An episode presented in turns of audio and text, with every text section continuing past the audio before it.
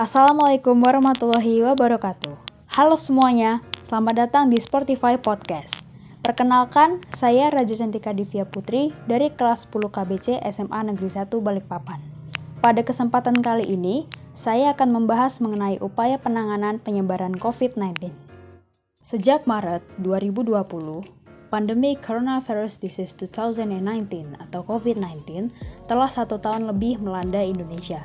Selama itu pula, kegiatan sehari-hari masyarakat terbatasi demi mencegah penyebar luasan virus COVID-19. COVID-19 menyebabkan banyak kematian dan terganggunya roda perekonomian masyarakat. Tak sedikit masyarakat mulai pesimis dan bertanya, kapan pandemi COVID-19 akan berakhir? Jawaban dari pertanyaan tersebut sesungguhnya ada pada kontribusi diri sendiri dalam menjaga kesehatan, terutama dari lingkungan komunitas terkecil, yaitu keluarga.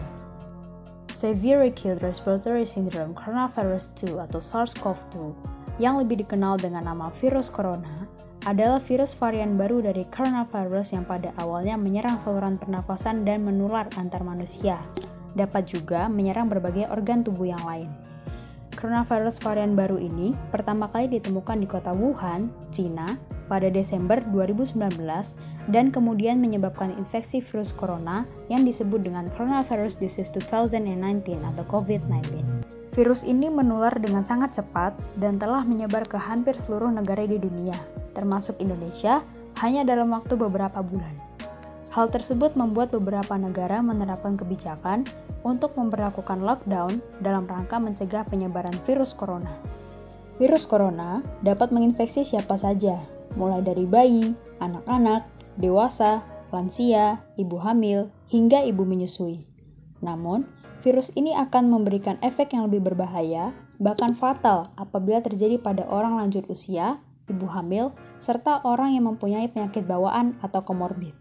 Virus ini menular melalui percikan dahak atau droplet dari saluran pernafasan, misalnya ketika berada di ruang tertutup yang ramai dengan sirkulasi udara yang kurang baik atau kontak langsung dengan droplet.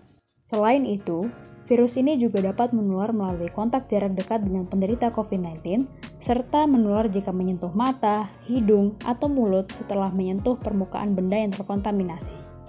Gejala awal infeksi virus corona menyerupai gejala flu, yaitu demam dengan suhu tubuh di atas 38 derajat Celcius, pilek, batuk kering, sakit tenggorokan, dan sakit kepala. Namun, gejala-gejala tersebut dapat hilang dan sembuh atau justru semakin memberat. Penderita dengan gejala yang berat dapat mengalami demam tinggi, batuk berdahak bahkan berdarah, sesak nafas, dan nyeri dada. Selain itu, terdapat beberapa gejala lain yang dapat muncul pada penderita meskipun lebih jarang, yaitu diare, konjungtivitis, hilangnya kemampuan mengecap rasa, hilangnya kemampuan untuk mencium bau atau anosmia, serta muncul ruam di kulit. Bahkan, sebagian pasien yang terinfeksi virus corona dapat mengalami penurunan saturasi oksigen tanpa adanya gejala apa pun, yang disebut dengan happy hypoxia. Umumnya, gejala-gejala COVID-19 tersebut muncul dalam waktu dua hari sampai dua minggu setelah penderita terpapar virus corona. COVID-19 dapat dicegah dengan menjalankan protokol kesehatan 5M, yaitu sebagai berikut. 1. Memakai masker. Gunakan masker saat beraktivitas di tempat umum atau keramaian, termasuk saat pergi berbelanja bahan makanan dan menjalankan ibadah. 2. Mencuci tangan. Rutin mencuci tangan dengan air yang mengalir dan sabun minimal 1 menit atau menggunakan hand sanitizer yang mengandung alkohol minimal 60%, terutama setelah beraktivitas di luar rumah atau di tempat umum. Selain itu, jangan menyentuh mata, hidung, dan mulut sebelum mencuci tangan. 3. Menjaga jarak.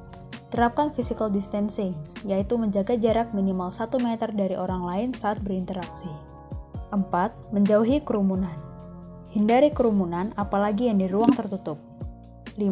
Membatasi mobilitas dan interaksi. Jangan keluar rumah jika tidak ada keperluan yang mendesak. Di samping itu, kita juga harus melakukan hal-hal sebagai berikut. 1. Menghindari kontak langsung dengan penderita COVID-19 orang yang dicurigai positif terinfeksi virus corona, atau orang yang sedang sakit demam, batuk, atau pilek. 2. Meningkatkan daya tahan tubuh dengan pola hidup sehat, seperti mengonsumsi makanan bergizi, berolahraga secara rutin, beristirahat yang cukup, dan mencegah terjadinya stres. 3. Menjaga kebersihan benda yang sering disentuh dan kebersihan lingkungan, termasuk kebersihan rumah. Sistem imunitas tubuh atau daya tahan tubuh memiliki peran penting dalam menjaga kesehatan. Imunitas tubuh harus dijaga dengan baik agar tidak mudah terserang penyakit. Sistem imunitas tubuh yang baik dapat melindungi kita sejak pertama kali virus penyebab penyakit masuk ke dalam tubuh. Oleh karena itu, memiliki daya tahan tubuh yang kuat sangat penting untuk mencegah kita jatuh sakit, terutama di masa mewabahnya virus corona seperti saat ini. Berbagai upaya dapat dilakukan untuk meningkatkan imunitas tubuh, mulai dari menerapkan pola hidup sehat, menghindari stres, hingga mengonsumsi suplemen agar sistem kekebalan tubuh tetap prima. Berikut beberapa upaya yang dapat dilakukan untuk menjaga dan meningkatkan imunitas tubuh. 1. Memperbanyak konsumsi sayur-sayuran dan buah-buahan. Untuk menjaga dan meningkatkan imunitas tubuh, sebaiknya memperbanyak konsumsi sayur-sayuran dan buah-buahan. Penelitian menunjukkan bahwa orang yang banyak mengonsumsi sayur-sayuran dan buah-buahan cenderung tidak mudah sakit. Hal ini dikarenakan vitamin dan mineral yang terkandung dalam sayur-sayuran dan buah-buahan mampu memperkuat sistem imunitas tubuh dalam melawan virus dan bakteri penyebab penyakit. 2. Beristirahat yang cukup. Mencukupi kebutuhan tidur sangat penting untuk menjaga dan meningkatkan sistem kekebalan tubuh.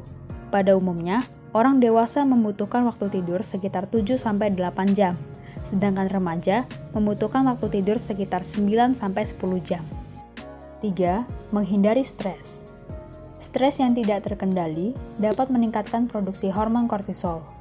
Dalam jangka panjang, peningkatan hormon kortisol dapat mengakibatkan penurunan fungsi imunitas tubuh, oleh karena itu, terjadinya stres perlu dikelola dengan baik untuk menghindari penurunan fungsi imunitas tubuh. 4. Berolahraga secara rutin. Untuk menjaga dan meningkatkan sistem kekebalan tubuh dalam melawan infeksi, sebaiknya rutin berolahraga selama 30 menit per hari. Salah satu olahraga yang praktis dan mudah untuk dilakukan adalah berjalan kaki.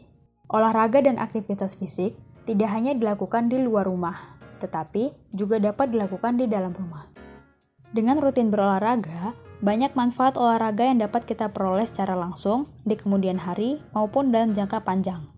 Beragam manfaat olahraga bagi tubuh yang dapat kita peroleh antara lain mencegah penyakit jantung dan stroke, menambah kapasitas paru-paru, menjaga berat badan ideal, mengendalikan diabetes, menurunkan tekanan darah tinggi, mencegah nyeri punggung, menangkal obesitas, menunda keterbatasan fisik saat usia tua, menekan risiko osteoporosis, meningkatkan kualitas hidup, dan lain-lain.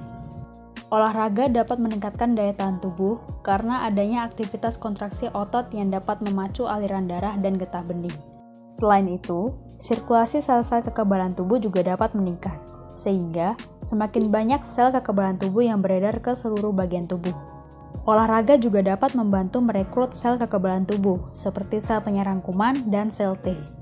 Respon kekebalan tubuh yang diperoleh dari manfaat olahraga tersebut hanya bertahan saat kita rutin berolahraga.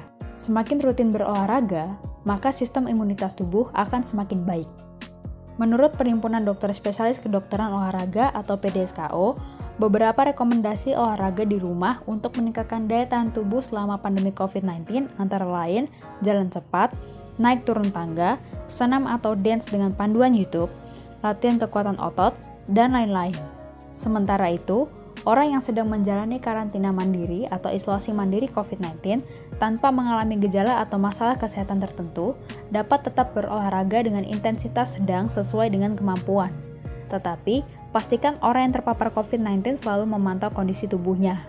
Jika terdapat gejala seperti demam, batuk, atau sesak nafas, segera hentikan latihan olahraga dan konsultasikan ke dokter apabila diperlukan. 5. Menghindari rokok dan alkohol. Paparan asap rokok dan mengonsumsi alkohol secara berlebihan dapat merusak sistem imunitas tubuh. Rokok memiliki resiko yang tinggi untuk mengalami infeksi paru-paru, seperti pneumonia dan bronkitis. Sementara itu, untuk perokok yang juga pecandu alkohol memiliki resiko yang lebih tinggi untuk terserang infeksi paru-paru. Dengan demikian, Pandemi COVID-19 dapat dicegah melalui upaya mematuhi dan melaksanakan protokol kesehatan secara ketat, serta meningkatkan sistem imunitas tubuh melalui penerapan pola hidup sehat, pelaksanaan olahraga secara teratur, hingga pengonsumsian vitamin. Demikian pembahasan mengenai upaya penanganan penyebaran COVID-19 dari saya. Semoga bermanfaat. Terima kasih telah mendengarkan dan menyimak podcast ini. Sampai jumpa. Wassalamualaikum warahmatullahi wabarakatuh.